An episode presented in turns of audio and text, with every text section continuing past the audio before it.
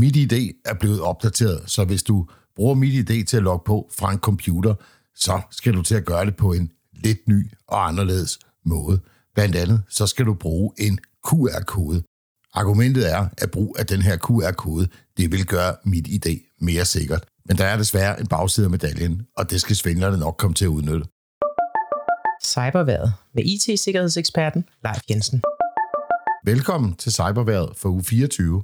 Mit navn er Leif Jensen, og jeg har arbejdet med IT-sikkerhed de sidste 30 år. Den viden og erfaring, som jeg har gjort mig, den vil jeg gerne bruge til at hjælpe dig med at få en mere tryg hverdag på internettet. MitID er i den forgangne uge blevet opdateret, så anvender du MitID til at logge ind via en computer, så skal du altså gøre tingene en lille smule anderledes. Men allerførst, så skal du naturligvis opdatere MitID-appen. Første gang du bruger den, så er den ganske venlig og fortæller dig, hvad du skal gøre. Blandt andet så siger den, at den gerne vil have adgang til at bruge dit kamera. Og det er jo ellers sådan noget, vi plejer at være meget påpasselige med, om apps de skal have lov til at bruge kameraet. Men MitID fungerer altså ikke uden kameraet. Når du så er på en computer og logger ind med dit MitID, så det første, der sker, når du åbner MidiD-appen, det er, at den siger, hov, der er lige en QR-kode, der skal scannes, og så kommer der en af de her QR-koder på din computerskærm. Og en QR-kode, jamen det er altså den her mærkelige firkant med en hel masse små sorte og hvide firkanter inde i. Så skal du holde mobiltelefonen op foran din computerskærm, og så scanner den den her kode for ligesom at verificere, at det nu rent faktisk også er dig, der sidder med mobiltelefonen. Det lyder jo alt sammen meget godt og sikkert og nemt. Og nemt, det er det faktisk også, altså for de mange af os, som godt kan finde ud af det. Men desværre, så er der en gruppe af danskere, som har lidt sværere ved at bruge de her digitale medier, end vi andre har. Og den gruppe af danskere, synes jeg, vi skal hjælpe.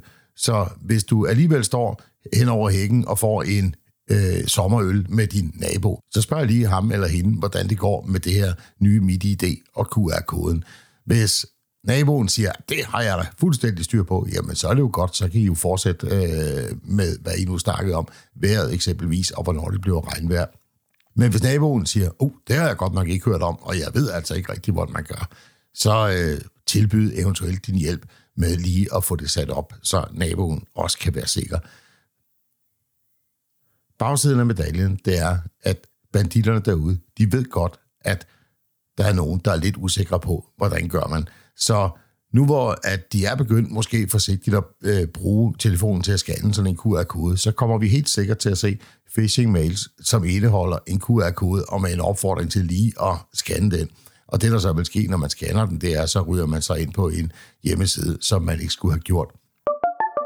Og meget apropos, så advarer Net via Forbrugerrådet Tænks mit digitale selvforsvar om, at der er kommet liv i en svindelmail igen, som siger, at dit MitID er blokeret.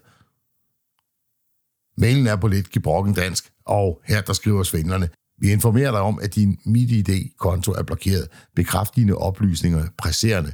Hvis ikke du vil få en ny kode, nogle i tre uger. Ja, det lyder da godt nok helt forfærdeligt, men der skal nok være nogen, der hopper i alligevel. Mailen den udgiver sig for at komme fra net, men det er altså svindel. Det var cyberværet for denne gang. Vi høres ved i næste uge.